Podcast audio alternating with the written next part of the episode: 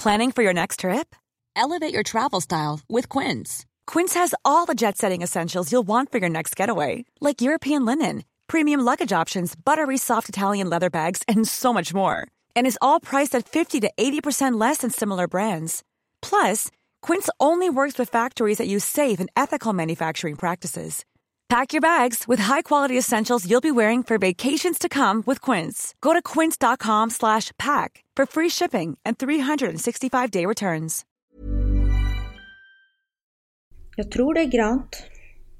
Då borde det vara grönt. Jag tror det. Och så. Ja men vad roligt att du är med i alla fall. Ja, Eh, det här ska bli kul. Ja. Men du, eh, då kickar vi igång det här helt enkelt. Ja, men det tycker jag.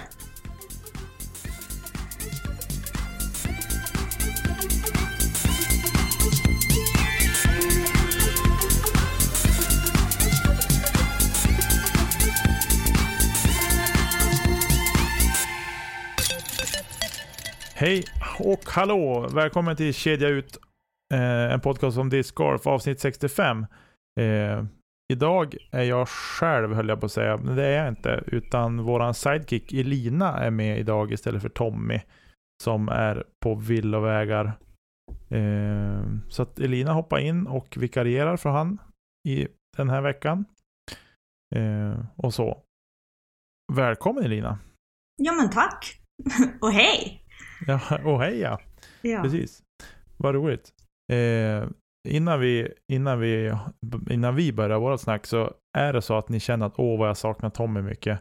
Så finns det en in the bag med honom på vår YouTube-kanal. Eh, där vi också heter Kedja Ut. Fiffigt nog. Eh, jag kikade på den idag och den är sevärd. Och så funderar man, funderar man på Prodigy så kan man titta på den och se vad Tommy kastar i alla fall i Prodigy-väg. Och så. Jag tjuvkikade också på den förut idag och ja, men eh, bra gjord. Jag vet ju att han har jobbat med den sedan i våras så att eh, det var lite på tiden. Eh, jo, det tycker jag också. jag har pikat ett par gånger. Bara, jo, jag vet, jag, jag ska ta tag i det där. Och så. Eh, men du, hur är läget med dig? Jo men det är bra tack. Jag eh, sitter här hemma i ett mindre flyttkaos. Vi flyttar till hus på torsdag den här veckan. Åh, vad spännande. Mm, vi började packa igår. Man ska, man ska vara ute i tid, brukar de säga. Ja, men lite så. Ehm, det väsentliga är väl nerpackad. Alltså typ Alexanders rum. Mm. Ehm, det mesta kan man väl lösa lite på sparken. Sen är vi ju lediga också tisdag, eller vad säger jag, torsdag och fredag den här veckan. Ehm, Mm. Så vi kommer ha gott om tid. Ja, precis. Vad flyttar ni ifrån? En tvåa, trea, fyra? En eh, fyra på 93 eh, kvadrat. Till ett eh, radhus på 122 kvadrat med två våningar. Fyra sovrum. Ja.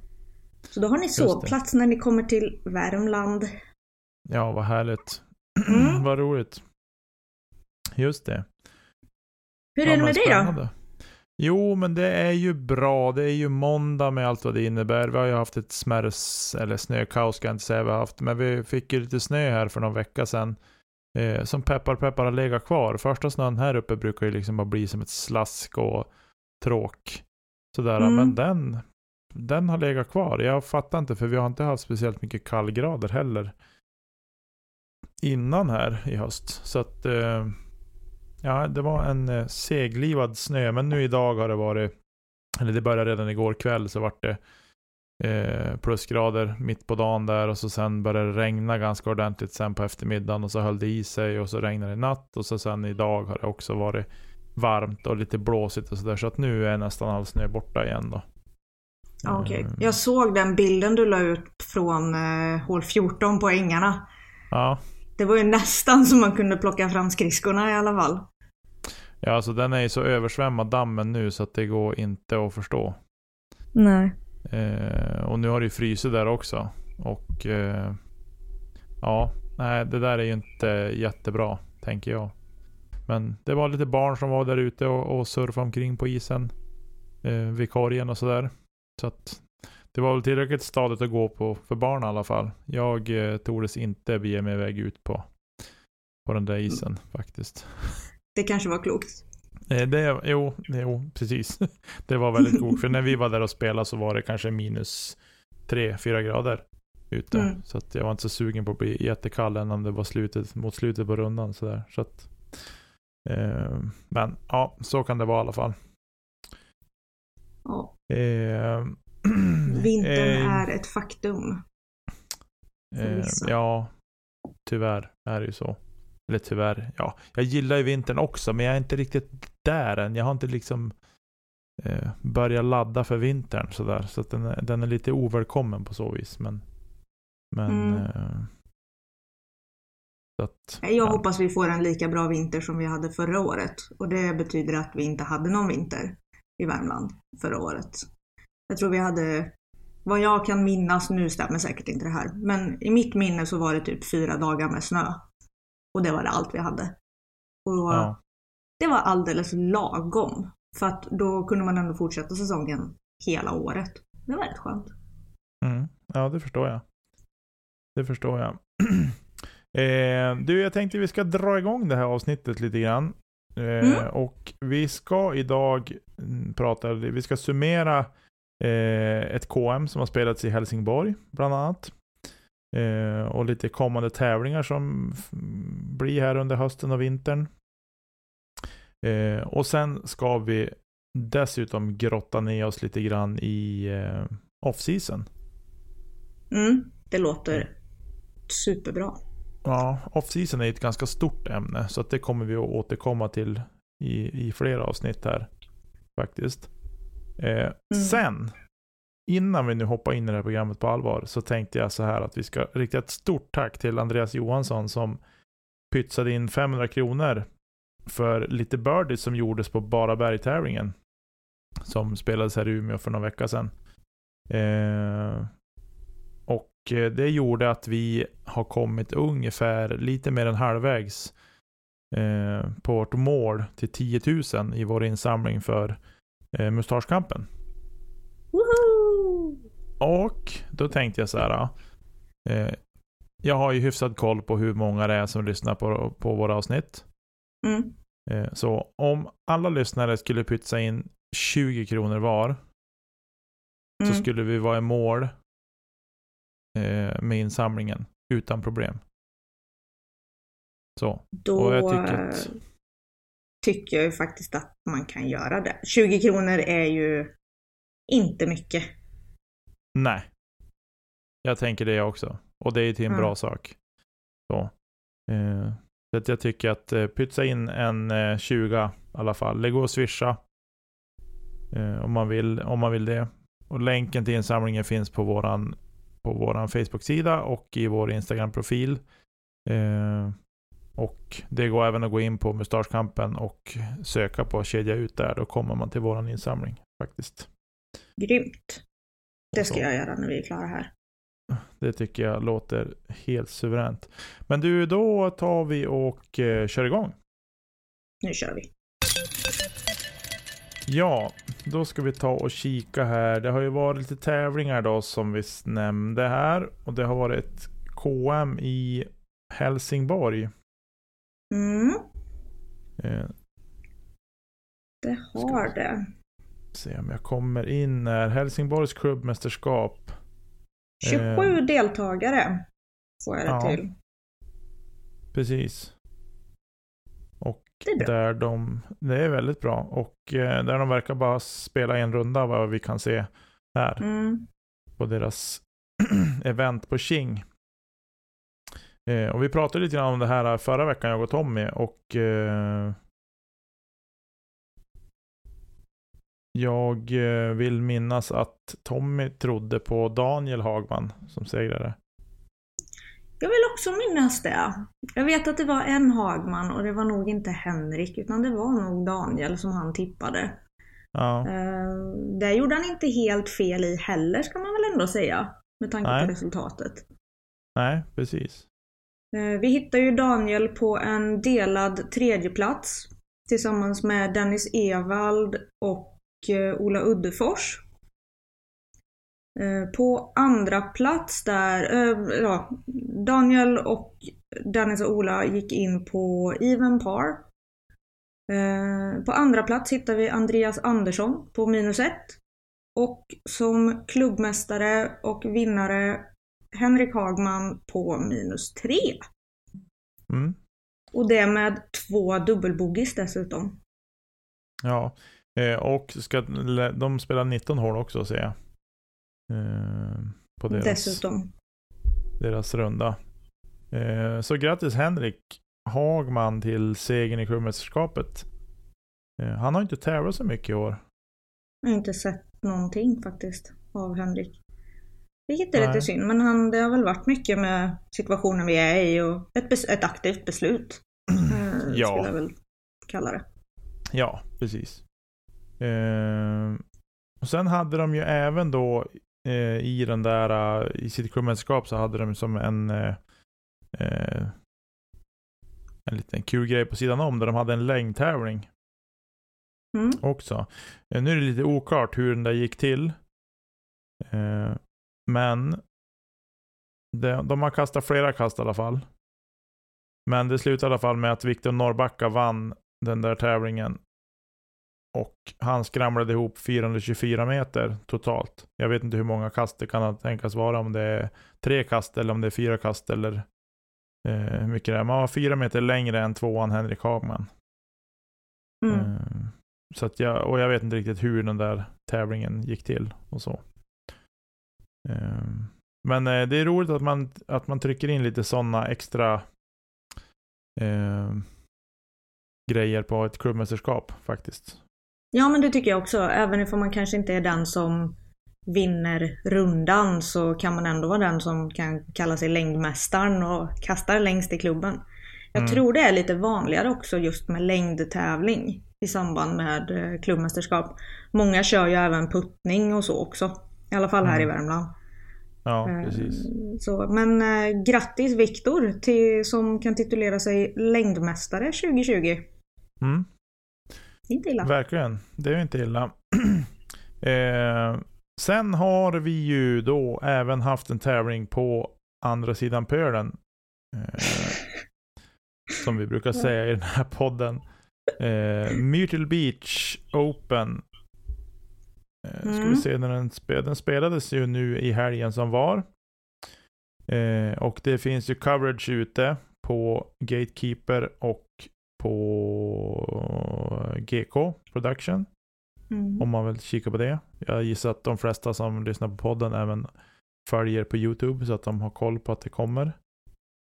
Eh, Ja, jag Nya. blev positivt överraskad eh, att det var coverage på lördag morgon att titta på. Så det var, det var trevligt. ja, precis. Eh, och det var ju någon tävling som vi inte ens har snackat upp heller innan. Utan det var som en glad överraskning för mig också när jag såg bara, men vad är det här för någonting? Bara, men Ja, det är ju massa, massa kändisar med att kasta också, så det var ju roligt. Jag bara, inte säsongen slut nu? jag hade Ja. inte räknat med fler tävlingar för i år heller. Men, eh, så det var kul. Ja, Eh, verkligen. men det har ju inte varit något jättestor eh, tävling. Eh, vad jag kan se så har MPO 52 deltagare och FPO 15 deltagare. Mm. Sen är det även ProMaster 40, 50 och Advanced. lite amatörklasser också. Så att, men just från, från pro-sidan så är den inte jättestor. Nej. Precis. Mm. Men det verkar vara ändå totalt sett en väldigt stor tävling faktiskt. Mm. Eh, många deltagare. 209 Faktiskt. deltagare totalt med amatörsklasserna också. Ja, Så det är kul. det är Eh, vad, jag kunde, vad jag kunde se på coverage så eh, såg det ut att vara en väldigt rolig bana. Ehm, påminner lite så här om Hornets Nest med mycket skog och liksom man får träffa linjer och ändå ganska ja, men bra distans på många hål som, som var lite utmanande. Mm. Eh, så Just absolut det. värt att titta på. Ja. Eh, jag har ju inte tittat någonting alls på det där, utan jag har bara sett att det kommer coverage. Så att jag har ingen aning om, om hur banan eller så ser ut. Men det är ju, jag brukar försöka samla på mig, så här, under hösten brukar jag samla på mig och inte titta på så mycket coverage. Så att när abstinensen börjar krypa på där eh, strax före jul och under jul och så där, då, har man, då finns det lite tävlingar att titta på. Mm. Och så. Och sen har jag sett så otroligt mycket live sändningar i år, så det har inte blivit att jag tittar på så mycket post-coverage heller. Åh, men då har du ju mycket att se fram emot ändå. Jo, det har jag ju. Och då man har en teflonhjärna som jag har, då glömmer man ju bort också. Sådär. Ja. Jag skulle kunna gå tillbaka och titta på The Preserve och bara, ja ah, just det. Sådär. Så att det... Jag har väldigt mycket jag kan se i kapp där när det börjar, abstinensen börjar krypa på ordentligt. Eh, men jag tänker så här, vi kan väl eh, sammanfatta Open-klasserna på dam och här sidan. Mm. Eh, vi behöver ju inte ta alla amatörklasser, för jag tror inte att vi vet nästan vilka några, några spelare är för överhuvudtaget. Nej, det tror inte jag heller. Men vi kan dra en liten spoilervarning då, ifall det är någon som vill se rundorna. Eftersom Ja. det finns post. Så Precis. Nu tar vi resultaten. Precis. Vill du det, inte höra, hoppa fram en stund. hoppa fram två minuter ungefär. Ja. Eh, om vi då kikar på damsidan så har vi en delad tredjeplats. Har vi Rebecca Cox och Ellen Widbom. Eh, på andra plats har vi Holly Finley. Och på första plats har vi Katrina Allen. Mm. Inte helt otippat med, med tanke på startfältet. Nej, Mm, heller.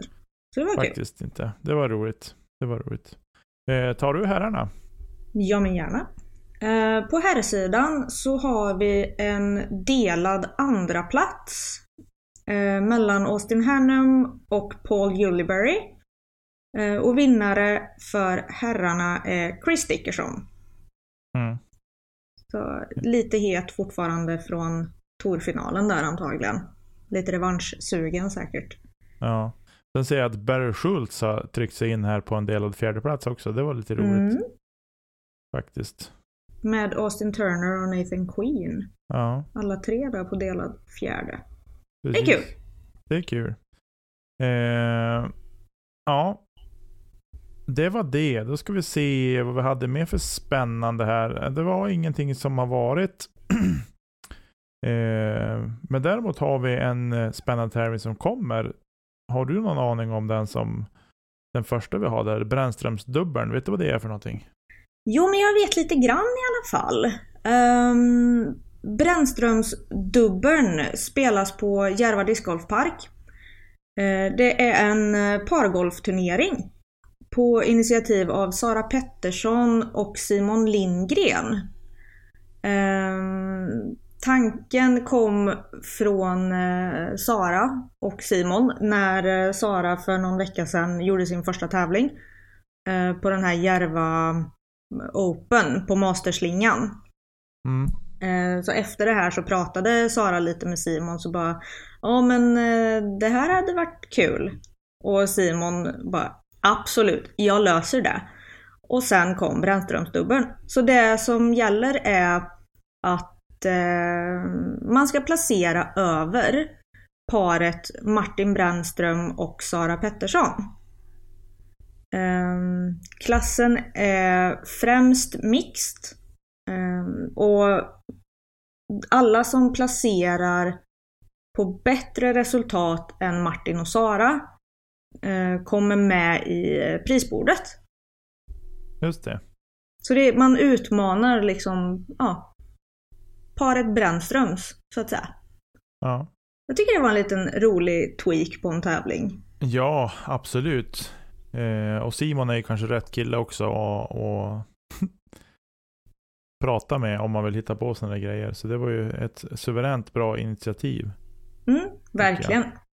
Utöver eh, Martin och Sara nu då så är de eh, åtta stycken par anmälda. Mm. Ehm, Så det är bara hoppa in och anmäla sig. Man hittar den här tävlingen på Disc Metrics. Om man söker på Brännströmsdubben. Precis. Och den spelas ju då den eh, 22 november. Precis. Om man är intresserad av det. Sen har vi eh, en annan spännande tävling som också är en partävling. Eh, som ska spelas nu till helgen. Mm. Faktiskt på I lördag. Hofors. Ja, Halloween-dubbel ska det spelas där. Eh, och här är det ju ett par, par eh, sköna namn på paren faktiskt. Eh, som jag känner att vi måste, vi måste ta alla faktiskt. Jag tycker Ja, men jag är- tycker också det. Eh, vi kan börja i damklassen så har vi då eh, paren Into the Dark, eh, Evil Pumpkins och Glow in the Dark. Mm. Eh, sen har vi ett par i mixklassen eh, som, som kallar sig för Second Class Killers. ja. Eh, och sen i Open så har vi Gone in the Dark, eh, The Purge, Ghostbusters, Lost and Not Found, eh, Spooky Horror Throwers, eh, Dead Dancing Queens, The Darkness, Nightmares, eh, Headless Horseman och Crossfaces. ja. Eh, Fantastisk eh, fantasi här på eh, teamnamn i alla fall. ja, precis. Älskar. Eh, och det blir lite spännande också med tanke på att de ska gå ut kvart över fyra på, på lördag och eh, det är ju mörkt då. Ja. I och med att jag Garanterat. klockan. eh, Eh, Så det blir spännande. Jag tror de har tänkt till där och har säkert lite lyktor på korgar och reflexer och ett och annat. ja. Precis, men superroligt ändå. Mm, eh, att, det hittas, att det hittas på sådana här och lite olika typer av tävlingar under hösten här. Mm. Känns som att eh, dubbel eh, är ett genomgående tema för hösten. Ja, precis. Det är lite roligt. Precis. Eh, sen vill vi göra, slå ett slag för eh, eh, Qing har släppt en betaversion på på eh, vad ska man säga, en uppdatering med kalender och sökfunktion. För att det Mm. ska vara lättare att hitta tävlingar än att sitta och scrolla igenom och liksom leta eller att man måste hitta åt någon, någon sida som har släppt. Eh, vilket jag tycker är helt suveränt. Och det ska bli... Eh, då kan man söka vecka för vecka eller dag för dag eller sådär. Eller titta Mm. på en hel månad, vad finns det för något? Eh, och så kan man även då söka för på områden och banor och så. Eh, Det jag ska tillägga dock, som är min favoritfunktion i det här nu, det är ju för att det är väldigt mycket höst och vintertorer. Eh, och ja, de har lagt till nu i den här betaversionen, inte bara liksom att du kan välja vilken månad du vill kolla på tävlingarna i, utan det finns även filter. Så att man kan välja till exempel då under, eh, man trycker på show filters.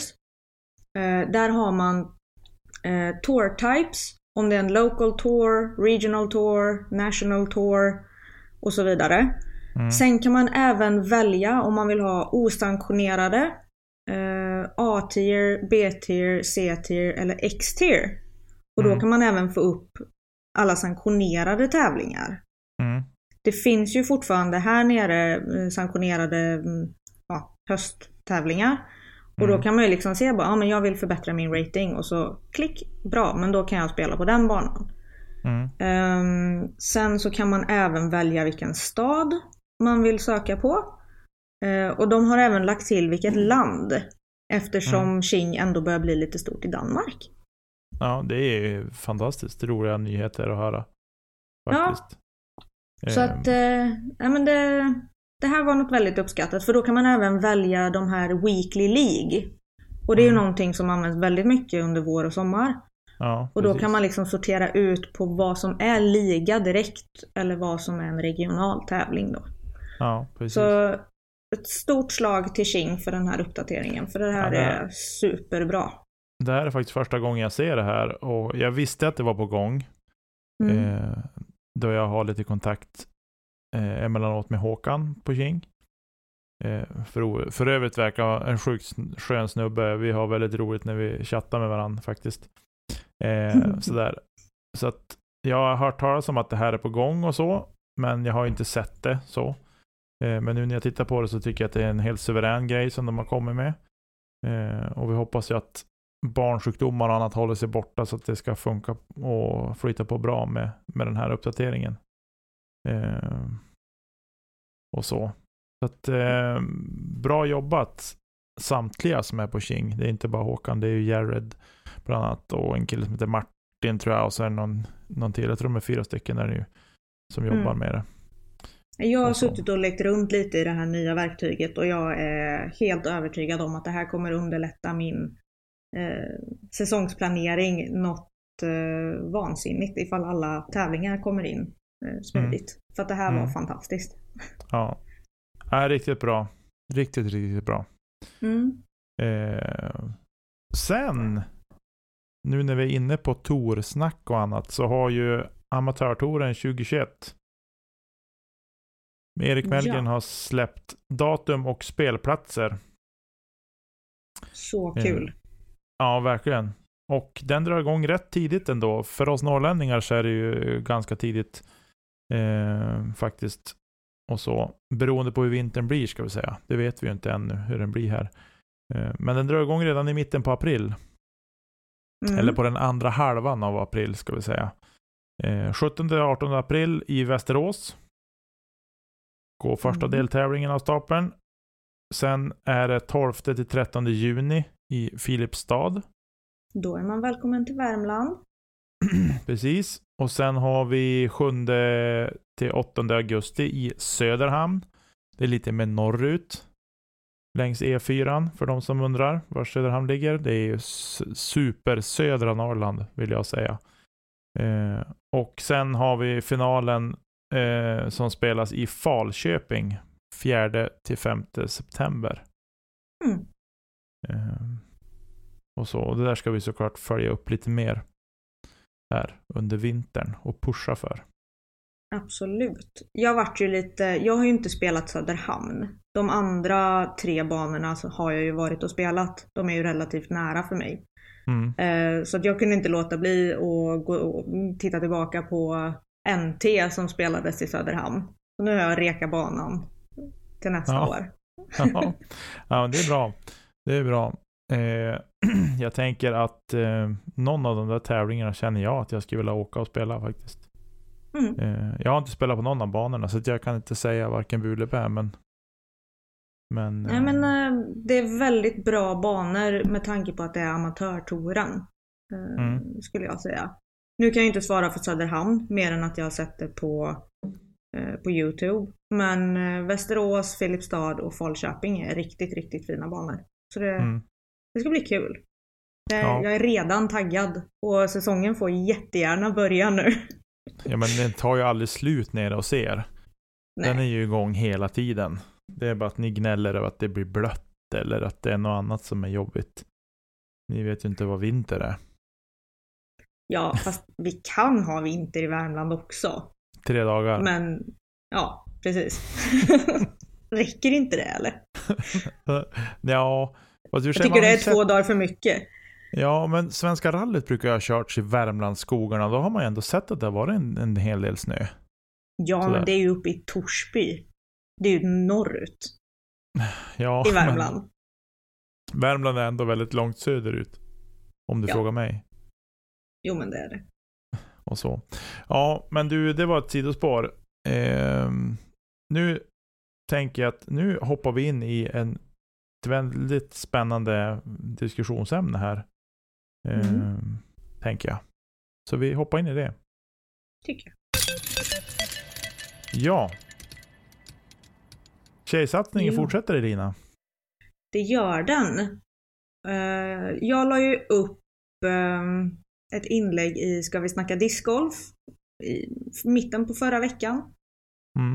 Um, där jag um, ja, in, bjöd in alla Sveriges discgolftjejer till en grupp som um, startades egentligen i somras. Som heter Discgolf Girls Sweden. Uh, och med det här inlägget så gick vi alltså från 55 medlemmar som vi hade fått ihop någon gång i somras. Mm. Uh, på två dagar så var vi 157 medlemmar. På två dagar. Efter det här inlägget. Det är uh, riktigt häftigt. Ja. Herregud vad jag har godkänt ansökningar. Ja. uh, och det är, ja, det är helt fantastiskt att se det här. Nu så gjorde vi ju det, den tjejsatsningen i somras. Uh, där jag och Sofie åkte runt och Eh, träffade många tjejer från olika delar i Sverige. Och många av dem har jag fortfarande kontakt med. Många av dem är nu med i den här gruppen så att vi liksom fortfarande kan hålla kontakten. Um, och det, det, är så kul att se liksom att det är en ökad aktivitet och ett ökat intresse av, liksom för alla tjejer. Jag tycker mm. själv att jag ser mycket mer inlägg i Ska vi snacka discgolf från tjejer. Mm. Um, och även i Ska vi byta diskar? Kommer det också upp liksom mer annonser från, från, från tjejer. Så det, det känns sjukt roligt, verkligen. Mm. Um, och i den här gruppen så är det faktiskt eh, efter den här tävlingen som var på Järva, som jag nämnde lite förut, uh, så är det två tjejer som har utbildat sig till TD och mm. en tredje som kommer göra det nu inom eh, några dagar. Mm. Och det är också så fantastiskt roligt liksom att de känner, ja men tävla, ja det är kul. Men jag vill också göra tävlingar. De vill arrangera tävlingar och liksom bidra med det också. Mm. Så att det gjorde mig väldigt, väldigt lycklig att se Eh, så det delas väldigt mycket i den här gruppen nu. Eh, mm. Det, det gör mig varm i hjärtat. Att ja, liksom ett arbete man sliter med faktiskt lönar sig. Ja. Så det är kul. Ja, det är det som är egentligen hela grejen. Det är ju inte bara att ni ska, att ni ska få en, en sammanhållning och kunna pusha varandra och peppa varandra och hela den biten. Utan det är ju även liksom att få, få sporten att växa såklart. Mm. Eh, och den växer ju explosionsartat. Det, liksom, det har liksom inte stannat av. Utan det fortsätter ju bara öka. Eh, mm. vilket, är, vilket är superroligt. Och ja. det är ju jätteroligt att det är så många tjejer också som, som kliver fram och liksom vill vara med och börja spela och, och sådär. Så det är ju fantastiskt roligt. Mm. Ja, men som Simon sa i den intervjun som vi, det avsnittet vi hade i fredags. Eh, så kom ju Ruth, en av de här tjejerna som nu faktiskt har utbildat sig till TD, kom fram mm. till Simon direkt efter tävlingen och så bara Hur gör jag för att bli TD? Och då fick ju Simon pusha henne i rätt riktning liksom. Och mm. ett par dagar senare så är hon färdig. Mm. Uh, eh, det, det, är ju en sak som är, är, tycker jag är superbra och superviktigt. För vi behöver bli fler som är TDs och som kan arrangera tävlingar. Eh, mm. För fort blir det att man förlitar sig på en. Alltså att det ska bli en eh, som gör det. Eh, mm. Och då blir det ju, alltså vi måste ju över hela landet måste det ploppa upp nya TDs. Liksom. Ja, och inte bara det för att man, alltså inte bara att man blir TD för att arrangera tävlingar utan genom att göra det här provet då som man behöver göra för, på PDGs hemsida Mm. Då lär du dig även regler. Ja, du lär dig vad reglerna faktiskt innebär och sen, du behöver inte kunna alla regler utan till. Det är ju inte det provet liksom går ut på utan du ska kunna hitta eh, rätt regel vid rätt situation. Mm, så att precis. när man liksom gör det här testet eh, så man lär sig så vansinnigt mycket av att liksom bara göra det. Och sen så är det ju bra för ens eget spel, för att man blir mycket säkrare när man själv är ute och tävlar. Ja, precis. Och liksom kan fatta de här besluten om, om en ifall man är osäker på någonting och sådär. Mm. Så att, ja, gör det. ja, Om ni inte är det. precis. Så att, eh, och det, ja. Nej men det, det är egentligen ingen anledning till att inte göra det. Tycker jag. Och sen så kostar det typ 10 dollar för att bli certifierad. Eh, Och den håller i tre år. Mm. Precis. Eh, Och den sen är krävs det ju väl... även för större tävlingar. Ja, och så. precis. Ska du spela SM Mm. till exempel, då måste man ha gjort den där. Ja. Eh, bland annat. Och så Precis. Eh, så det, det är ju många som är TDs också, ska vi säga. Men som kanske inte utnyttjar det. Eh, Ja. På det sättet. Och så. Ja så, men att så det, är det ju absolut. så det är ju som en win-win att eh, kunna göra de här göra det provet och få sin licens helt enkelt. Mm. Och vill man veta mer om det så kan man ju hitta det på PDGAs hemsida. Och eh, där så står det under Rules Official Test eller något sånt där. Rules Official vet jag att det står. Mm. Eh, Så kan man kika på mer där. Precis. Ehm, Och det som är alltså effekten av att den här tjejsatsningen har blivit av och att intresset har ökat så är det ju även ett ökat fokus på damklasser och mixed-tävlingar. Ehm, Som nu då på de här dubbeltävlingarna som kommer de kommande veckorna. Så ser vi ju där till exempel då att det är en mixed-klass. Det är en damklass och att man även liksom börjar tänka då på att reservera platser för dam. För att som, som det har varit då så det tar någon dag extra att registrera sig för att man kanske behöver lösa någonting. Och då är det Mm. väldigt uppskattat med att ha reserverade platser. Mm. Så att, Faktiskt. eh, jag tror fortsätter man så så kommer man nog även att se den här ökningen som, som man har velat ha på damsidan. Det, det, det gör det faktiskt ännu roligare också att följa liksom nästa år för att, se ifall det här fokuset fortsätter. Mm. Jag tycker att man ska reservera, jag tycker att man ska ha reserverade platser för, för Mm. damklasser och Mm. hålla på dem in i det sista.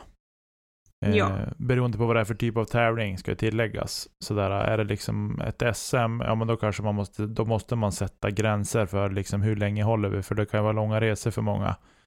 Eh, Ja men exakt. Sådär, så Men jag det, tänker också att om, alltså även om kanske inte covid-situationen ser ut som den gör nästa år.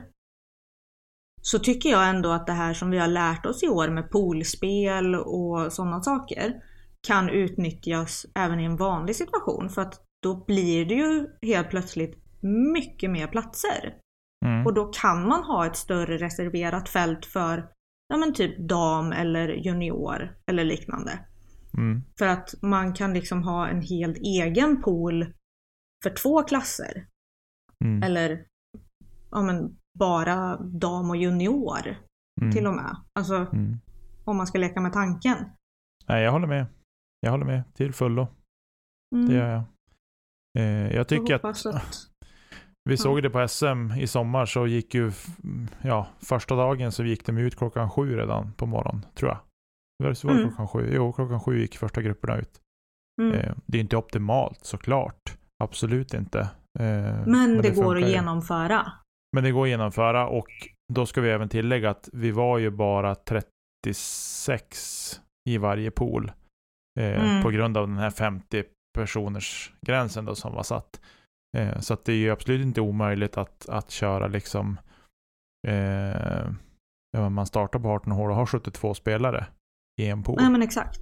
Eh, som kan gå ut klockan åtta och så kan man ha nästa gäng som går, går ut klockan 11 och så nästa gäng går ut klockan två och sen kanske sista gänget går ut klockan fem. Eh, Mm. Beroende på vart i landet vi är ska vi tillägga. Men sen, jag har så svårt att se att det någonstans i landet ska vara så, att det blir så mörkt. Eh, redan klockan åtta under sommarmånaderna. Men det kanske det är i södra Sverige. Jag har så dålig koll på. Här uppe i Norrland så är vi bortskämda med att ha ljust länge. eh, Det är ljust väldigt länge här också. Ja. Eh, Men sen också är man liksom på rätt ort till exempel så har man kanske två banor att spela. Ja, precis. Då kan man ju liksom dela upp det så att runda ett är på ena banan och runda två är på den andra banan. Mm. Um, och det gör ju också då att, ja men, inte kanske under SM i Umeå, eh, när vi inte fick spela på ängarna när vi var på I20. Men eh, ser man till par-SM till exempel så hade vi ju spel på båda banorna samtidigt. Både på Mm. Alviken och Jenny. Mm. Eh, och då, alltså, det gick ju smidigare under dagen för att man kunde beta av två grejer samtidigt. Ja, precis. Så jag tror vi har Precis. lärt mycket bra från i år. Eh, som liksom gör att ja, men, vi kan ta med det, det goda av den här situationen in i nästa säsong. Mm. Precis. Precis. Men innan säsongen är här så ska vi ju, eller ja, vissa av oss ska ju ha en off-season. ja. Eller alla har nog en off-season, mer eller mindre. Tänker jag. Ja. Eh, Lite, lite mindre aktiv season. Ja, precis. Min, lite, lite mindre spel kanske och lite mer eh, putträning och drivingträning och gymträning eller vad det kan tänkas vara. Mm.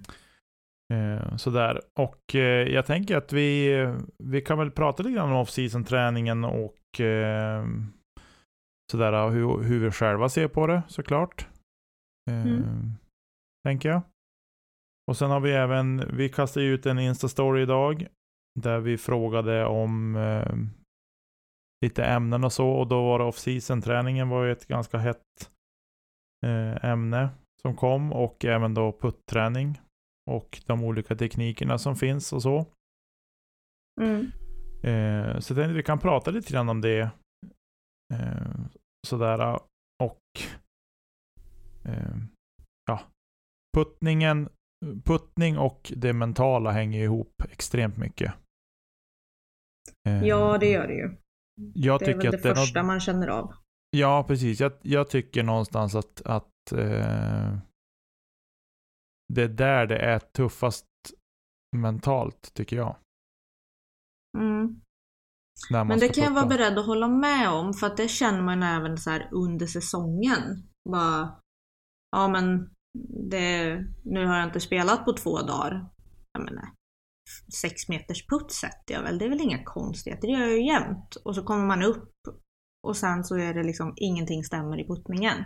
Mm. Och då går man ju väldigt lätt till det här, ja nu måste jag byta puttstil, nu måste jag byta putter, nu måste jag ändra min stance, nu måste jag göra det och det. Och så bara, ja fast du kanske bara har en dålig dag. Ja, För jag vet själv liksom att man har stått där och så bara Nej, de här puttarna, jag ska inte ha de här längre för att nu, nej ni gör inte som jag vill. Och sen bara, ja fast du har en dålig dag. Går man Ja. upp dagen efter så bara, ah okej, nu satt det. precis. Eh, jag eh, laborerar, har laborerat i år lite grann med olika puttstilar. Eh, jag eh, bytte i fjol, mitt under säsong, så började jag eh, straddleputta. Mm. Eh, och straddleputtning är alltså att då har man bägge fötterna parallellt med varandra kan man säga. Eh, för att jag testade på det och bara upptäckte att men oj vad, vad jag kan ställa upp med rätt och få en jämn och rak rörelse mot korgen så att säga. Mm. Eh, och att jag träffade linjerna mycket mer. Eller linjen ska jag säga. Eh, mycket mer. Alltså jag hade högre träffprocent med det än vad jag hade eh, med, ja vad, vad kallar man den, den mest vanliga puttstilen om man så säger. Eh, där man som högerhänt har sitt högerben bakom disken till exempel när man puttar. Och så har man vänsterben bakom. Vad säger man? Vad kallar man det för? Ja men alltså jag har lite hjärnsläpp här just nu för jag kommer faktiskt inte på vad det heter. Nej. Sorry.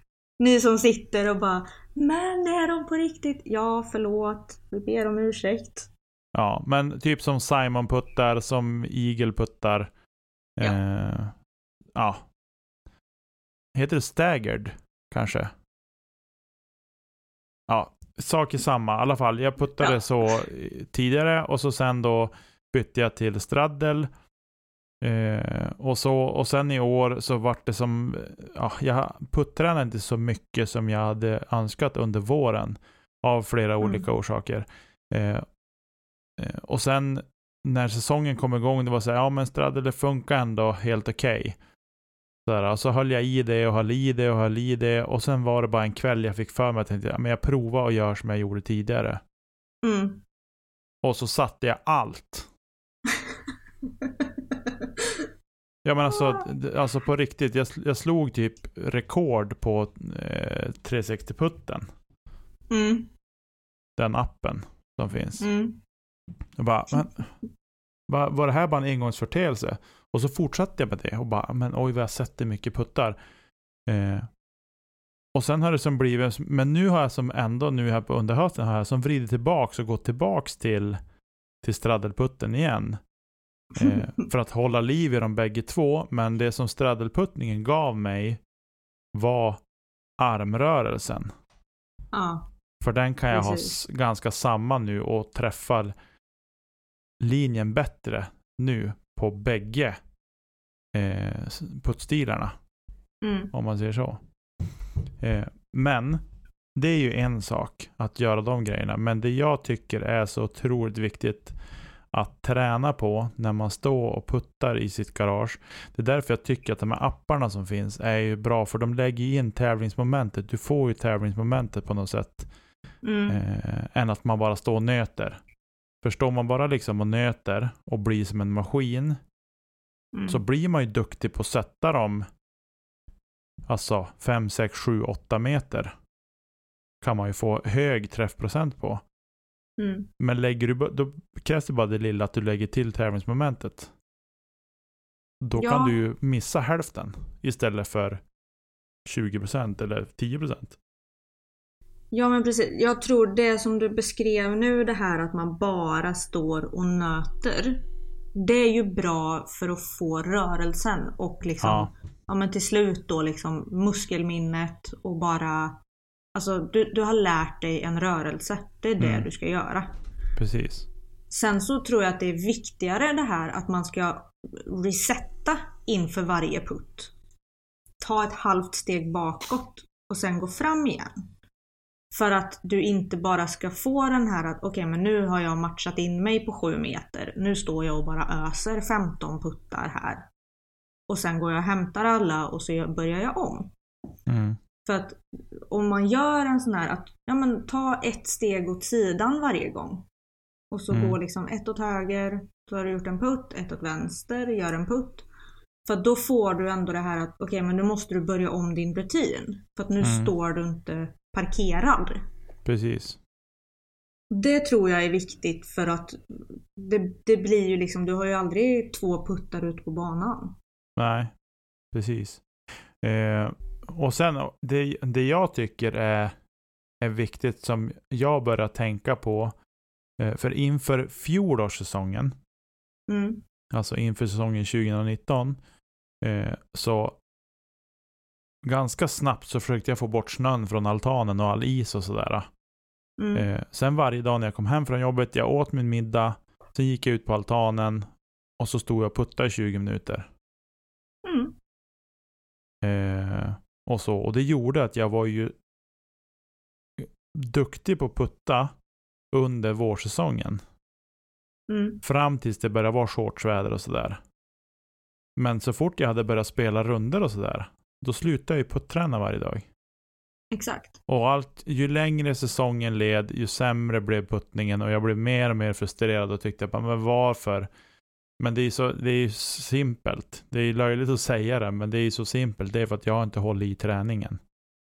Ja. Eh, Ja Ja. men på riktigt, för, för mig var det exakt likadant. Jag Ja. stod i källaren säkert fyra dagar i veckan och gjorde åtminstone en 200-300 puttar.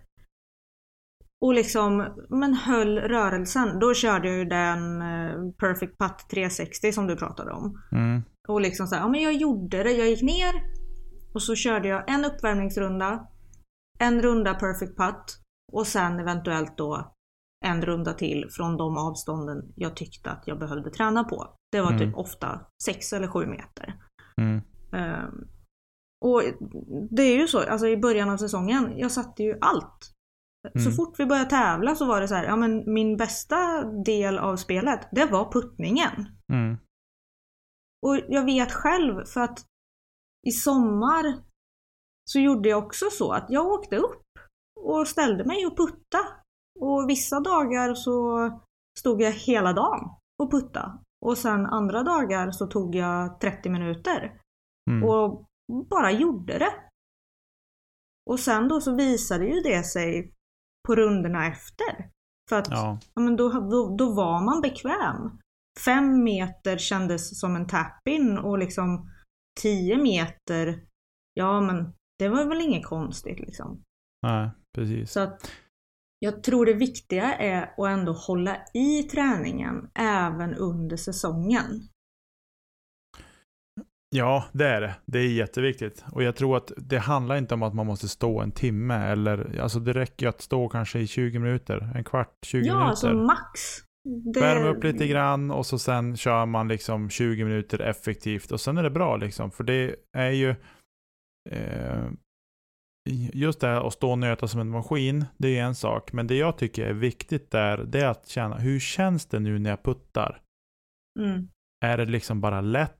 Är det som att jag står på tre meter och bara mjukt lobbar i dem? Eller hur, liksom, hur är själva känslan? Trycker jag i på någonting liksom ordentligt?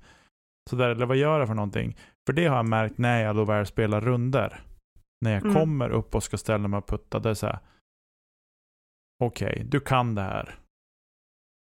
Gör det bara. Fundera inte, Mm. utan gör det bara. Mm. Tryck i som du har gjort på träning. Och de gånger jag missar, då är det ju för oftast så är det för att Mm. man blir för feg. Mm. Och att, Men- som i mitt fall kan det vara att jag tänker så här, den här returen kan bli stökig. Och då blir man lite för försiktig och så sen är man kort i korgkant. Att man eller- fegar istället Ja, för att man man, fegar. inte vågar. Precis. Men trycker man i, trycker man på ordentligt, liksom precis som man ska göra, Mm. Eh, beroende på vad man har för typ av putt. Men i alla fall, du förstår vad jag menar. Att man liksom Mm. eh, gör sin puttrörelse ordentligt. Då sitter de ju. Mm. Precis. Om det inte är från kanske 10, 11, 12, 13, 14 meter. Då kanske det är lite mer sådär, ja men 50-50. Men Mm. liksom om man bara är ordentlig. Så, och det är det här som är det svåra. Att hitta den känslan att man vet hur det ska kännas när man ska putta. Så att man gör samma varje gång. Mm. Precis. Och det Och- kommer ju av mängdträningen. Ja, precis.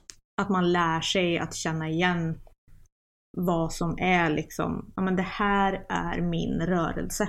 Ja, Det är det här jag behöver göra. Och gör jag det så är det egentligen bara en, en skillnad på vart jag släpper disken. mm, Så Precis. kommer den gå i korg. precis. Jag tror det svåra där är liksom att veta det här som, ja men egentligen för oss båda då under våren. Att man bara, ja ah, men skönt. Jag kommer upp till banan och jag puttar stabilt. För att jag har så mycket träning i mig. Jag tror att när man har vant sig vid tanken av att man puttar så stabilt som man gör på träning eller ja, dagen efter man har stått och tränat i 20 minuter. Att liksom den rundan på något sätt blir ens eget riktmärke till hur duktig puttare man är. Mm, Jag tror ofta att det kan vara det som börjar spöka lite i det mentala sen när man inte sköter sin träning lika bra. Och när det liksom börjar gå lite ut över spelet. mm, Det är så här, men jag vet att jag är bra utanför cirkeln. Och sen slutar du vara bra utanför cirkeln. Och så förstår man inte själv varför. nej, precis. Jag tror Precis. att det, en sån sak tror jag är viktig att tänka på just i det mentala i puttningen. Mm, Sen en annan Precis. sak som jag fick höra av eh, en eh, kille som spelar i Örebro. Han har ju ett eget mantra varje gång han går upp och ställer sig för att putta. Och det här, jag provade det. Och alltså det blir bättre. Tycker man liksom att puttning är jobbigt. Och det här kan låta superfjantigt för vissa. Men för mig så, och för honom då, så funkade det. För att när man gick upp till putten, istället för att liksom såhär, ja ah, men om jag inte sätter den här så blir det typ en bogey eller missar jag den här så får jag ingen birdie. Nej, ta bort de negativa tankarna. Och så går man fram till sin putt och så säger man för sig själv Putta är kul.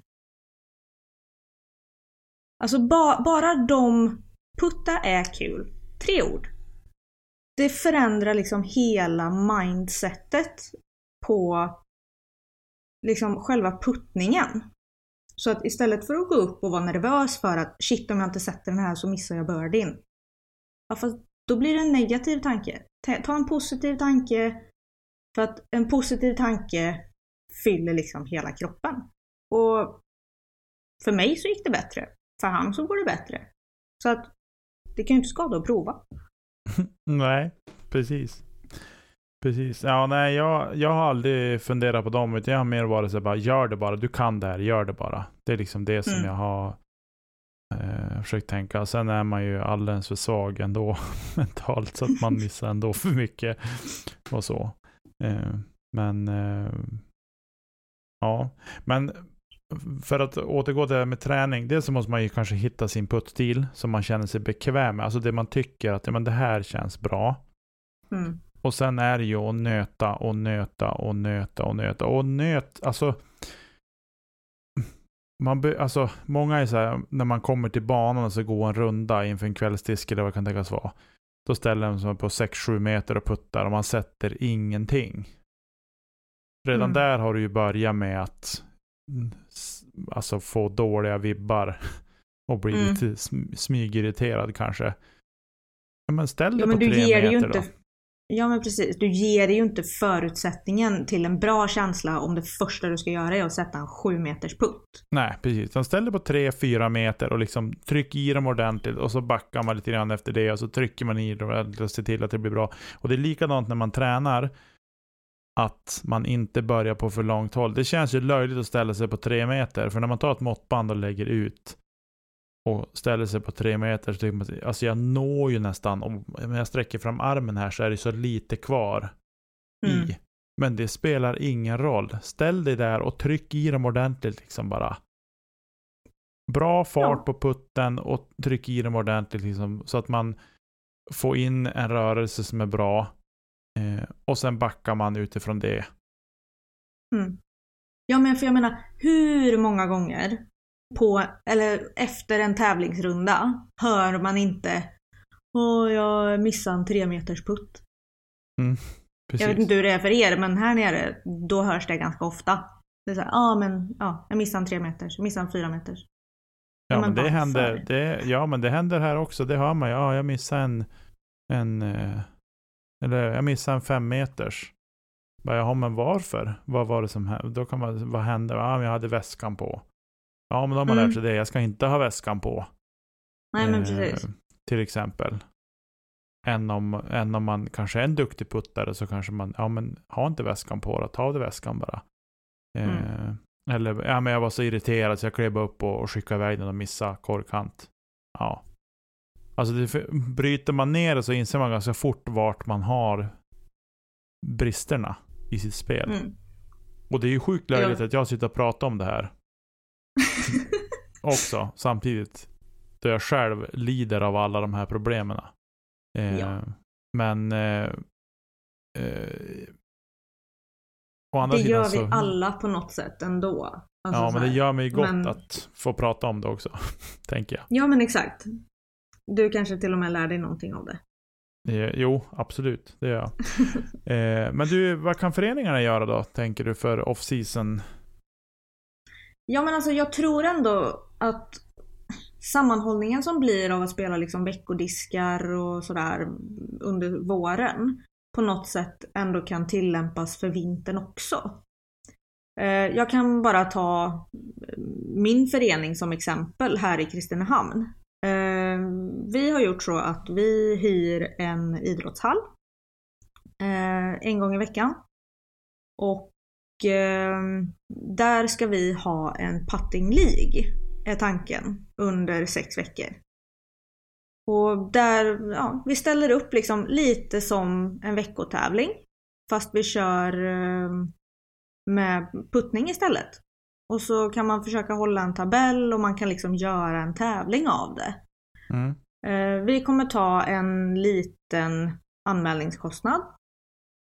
För att liksom täcka dels då vad det kostar att hyra hallen. Eh, men sen också så ska liksom överskottet utav det som blir över eh, ska gå till priser. Alltså Mm. ett presentkort på en restaurang i stan eller presentkort på diskar eller liksom sådär. Ja men lite kul liksom så att det ändå blir lite av den här tävlingskänslan. Det blir väldigt mycket mer av gemenskapen. Och ja, det blir ju träning också. På ett Ja. annat sätt. Och jag Ja. tror att en, bara en sån sak kan gynna föreningar ganska mycket. Ja. Eh, Eh, vi hade en sån där putting League, det var ett, ett privat initiativ ska tilläggas, eh, som kördes under vintern mellan säsongen 17-18. Eh, Mm. Och så. Och det var superroligt. Verkligen roligt var det. Och de körde eh, två gånger i veckan. En gång under, under vardagarna och en gång på helgen på söndagar. Eh, Mm.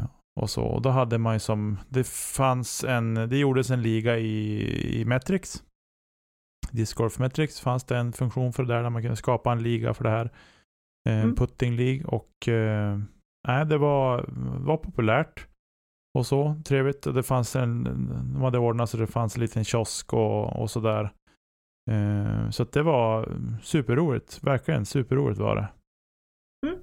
Jag tror det kan vara liksom, det är ju ändå en relativt lätt grej. Kom dit, man drar med ett par korgar och så umgås man. Alltså på ett sätt. Mm. Ja, Och precis. man får in träningen också. Även om det kanske bara är för, ja men i vårat fall då en gång i veckan. Så en gång i veckan är bättre än ingen gång i veckan. Ja, precis. Precis. Mm. ja. Eh, Off-season träning, det är ett jättestort ämne. Eh, Mm.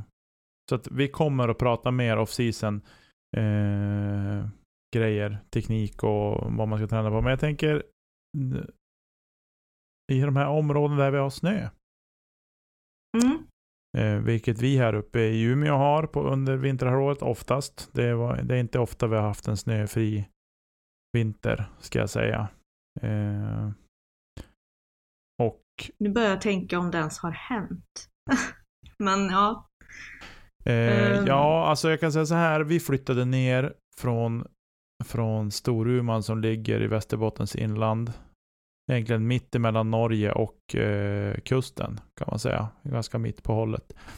Eh, flyttade vi ner från Storuman till eh, Holmsund som ligger utanför Umeå eh, sommaren 94. Och Mm. när man har bott i Storuman så är det så här att kom det inte en meter snö så var det någonting som var fel. Och när vi då flyttade till Holmsund så kom det ju ingen snö. Första snön kom väl kanske någon gång i slutet på november och den försvann ju direkt.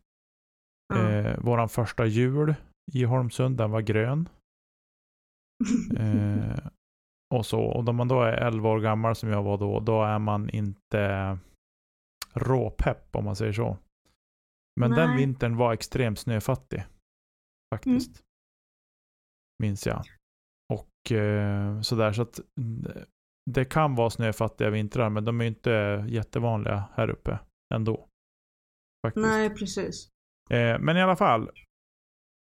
Klädsel för vintern. Jag är sådär kluven. Nu i vintras, eller i våras, så spelar jag ganska mycket. Vi kom igång relativt tidigt och sådär med, med Jag spelar en del vinterdisk och även vårdisk då. Mm. Eh, och det här med kläder och sådär. För det första, köper ett par riktiga skor med dubb i. Eh, Broddar i all Ja. ära, men nej. Jag Det- spelar med ett par Icebug och nu finns det säkert andra märken som har dubbar i skorna också. Ja, det finns det. Eh, men jag köpte de här i våras faktiskt. Eh, Mm. När det inte var is. Men det var på grund av att jag som kastar väldigt mycket forehand. Eh, om det är lite blött på tee så är det väldigt, väldigt lätt att halka med liksom plantfoten för att du sätter ju den framåt. Så det är Mm. väldigt lite som tar emot liksom. Till skillnad från Mm. backhand där du planterar på sidan. Mm. Och ja, jag var så fruktansvärt nära på att skada mig så många gånger så att jag bara tog tröttna på det. Och köpte såna här dubbskor för att det skulle ta fäste. Mm. Och alltså jäklar vad bra det är! Mm. Även Ja. på is. Ska tilläggas. Jag fick ju låna Tommys skor ett par gånger. Då jag inte hade några Mm. själv. Annars spelade jag med broddar och det var ju helt komplett värdelöst. Eh, Mm. Men det var ju hela skillnaden, tycker jag. Eh, och vi hade ju ett par veckor där när det var liksom bara ren blå is på, på banan. Ja, på I20 precis. då. Eh, och så. Men klädsel, alltså klädsel det är väl så här mer ta på er typ, ja men täckbyxor kan man ha eller eh, någon typ av skalbyxa eh, som är relativt tunn och så har man liksom ja, men långkallingar under eller någonting. Alltså man på så vis behöver man liksom inte tänka till så mycket tycker jag. Skor, ja. Är det, beror på hur mycket snö det är såklart. Är det mycket, är det Mm. liksom knädjup med snö, ja men då kan man ju liksom ha riktiga kängor på sig. För då är det liksom eh, då är ju Då står man ju mest still också. Ja, precis. precis. Det är bara från 10 du egentligen kanske kan röra dig någorlunda. Mm. Eh, och så. Mössa på huvudet såklart tycker jag är självklart. Eh, Mm. Det här med handskar, jag har aldrig kastat med handskar och så, utan jag har ett par riktigt tjocka skinnhandskar på mig. Mm. Eh, som är jättevarma och sköna. Så att man, man håller värmen i händerna och så. Det är liksom det jag tycker eh, är det viktiga. En sak att tänka på när man spelar på vintern, och framförallt om man spelar i områden där det kan bli isigt och halkigt och sådär. Mm. Det är att om man inte litar på sitt fäste så spänner man sig väldigt mycket. Eh, och gör även att det kan bli att man kastar väldigt mycket bara med armen. Eh, Ja men precis. Vilket gör att Så- man kan få Jag har haft problem med armbågen i stort sett hela säsongen.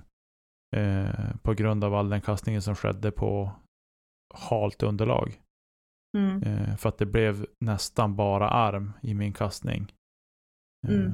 så Jag var- kommer till och med ihåg de första bilderna som jag såg uppifrån eh, det var väl I20 tror jag. När det liksom, alltså det ser ut som en hockeyrink på Mm. hela fairway. Det är bara blankis alltihop. Ja, precis. Eh, och då är det ju mycket det du säger liksom att man, man vågar inte och så håller man tillbaka och så spänner man sig och så. Ja. Det är Ja. ju stor risk för skador. det är Helt det. klart. Det är det. Och jag tycker, alltså jag, jag sa det faktiskt igår när jag var och spelade med en kompis. Eh, så sa jag det liksom, jag tror att man ska försöka lägga band på sig själv och vänta in i det sista liksom innan man beger sig ut och spela. Och ska man ut och spela så ska man inte spela för score utan spela bara för att liksom få kasta lite och, och känna på Mm. det helt enkelt. Eh, Precis. för det är ju, nej, det är inget roligt om man får börja säsongen med att vara, vara skadad. Och så. Så det, klädsel, det är svårt, det är individuellt tycker jag, hur mycket kläder man byltar på sig. Jag, jag, eh, jag brukar inte bylta på mig så vansinnigt mycket kläder, man blir så osmidig också. Tycker jag om man Mm. har för mycket tjocka kläder. Jag tror väl enklare lager på lager är lättare att arbeta med än ifall man ska dra på sig täckkläder eller overall liksom. Ja, Det känns som att man blir lite osmidig. med det. exakt. Exakt. Eh, sen en annan grej som har med off-season att göra lite grann är ju också, det är ju att eh, gymma. Ja, Vilket- precis. vilket många redan gör. Eh, Men om man då vill träna specifikt för discgolfen så föreslår vi att ni lyssnar på avsnitten med Key. Eh, Jag har dem inte i huvudet vilket, vilken, vilka avsnitt de är i ordningen, men eh, Key är ju, han är ju professor fysiologi kan vi väl kalla han Mm. för. Och Eh, biomekanik. Och biomekanik och Jag sådär. tror det är det avsnitten heter också va? Ja, de heter nog biomekanik ja. Exakt. Ja. Så de borde Det är ju två avsnitt. Ja, det är två avsnitt för det vart, så- de vart så långa så att Eh, det blev två avsnitt av det. Eh, men gå in och lyssna på dem. Eh, där, kan ni få, där får ni väldigt mycket matnyttig info. Eh, men all träning är bra träning sägs det. För discgolf så kanske inte all träning är bra träning. Det finns ju kanske mera eh, specifika grejer man ska träna på om man ska träna just enkom för, för discgolfen. Mm. Jag tror det viktigaste är väl den träningen som blir av. Ja, precis. Mm. Precis. Och hålla igång kroppen helt enkelt. Ja men precis. Hålla igång muskelminnet, lite kaströrelser och ja, Ja, egentligen precis. bara tappa inte. Tappa inte vad man ska göra. Nej, precis. Ja, men du. Jag tror vi ska börja runda av det här avsnittet. Off-season är som sagt ett väldigt stort ämne och eh, det vi kommer beröra mer i fler Mm. avsnitt. Det blir ju Ja, spännande att få Tommys input på det här också. Ja, absolut. Han kanske sågar oss totalt. Antagligen. Nej. Han Ja. tycker om oss. Eh, och så. Ja men du, jag tror vi lämnar det och så hoppar vi in i sammanfattningen av det här avsnittet. Ja, det var det Lina. Det var det. Det har väl varit trevligt. Ja, verkligen. Tycker det jag. tycker jag så. Har ni med mycket här? Ja, jag också. Det blev ett lite längre avsnitt än vad jag hade trott att det skulle bli, men eh, eh, roligt ändå. Faktiskt. Det blir så när man bjuder in en tjej och prata. Eh, jo, Det kan lätt dra iväg då. Precis, men jag och Tommy brukar också kunna vara duktiga på att prata också. Och så. Ja.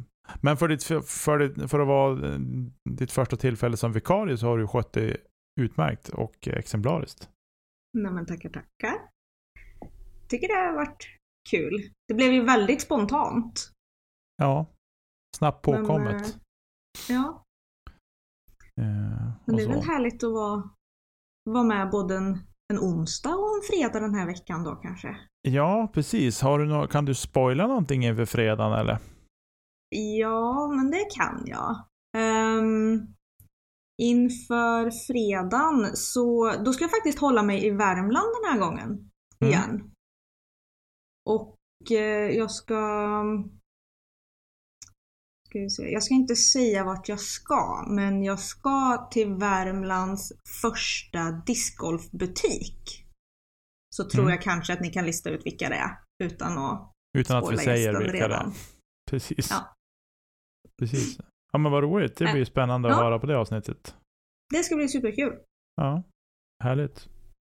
Eh, som sagt var, upplägget från våran sida i podden det är ju att vi eh, Målet är att Elina ska släppa sina avsnitt på fredagar. Eh, Mm. och jag och Tommy vi tuffar på och släpper på onsdagar. Inte den här veckan dock, men eh, eller ja, av, det här avsnittet är ju släppt nu på onsdag såklart, men Tommy har inte varit med i det här avsnittet. Oh, avsnittet någonting och så. Eh, men du, tack Marcus Linder för musik, vignetter och jinglar och tack till alla er som lyssnar och ni som stöttar oss via Patreon. Det är ju såklart värdefullt för oss. Eh, kolla in YouTube-kanalen där vi har släppt eh, två videos ganska tätt. Och det är bland annat vår resa ner till eh, Falun och eh, Fagervik. Mm. Eh, och så på sociala medier finns vi under kedja ut både på Instagram och Facebook. Och så. Mm. Tack för idag Glöm Lina. inte att kolla på Tommys eh, In the Bag också. Just det. Just Det är den senaste på YouTube-kanalen. Ja. Gå in och kika den. Ja men du, tack för idag Lina. Tack själv. Men du Nicke, vad gör du inte nu då? Jag ska inte kasta kedja ut, jag lovar. Bra. Ja, vi hörs hörru. Det gör vi. Hej då. Hej.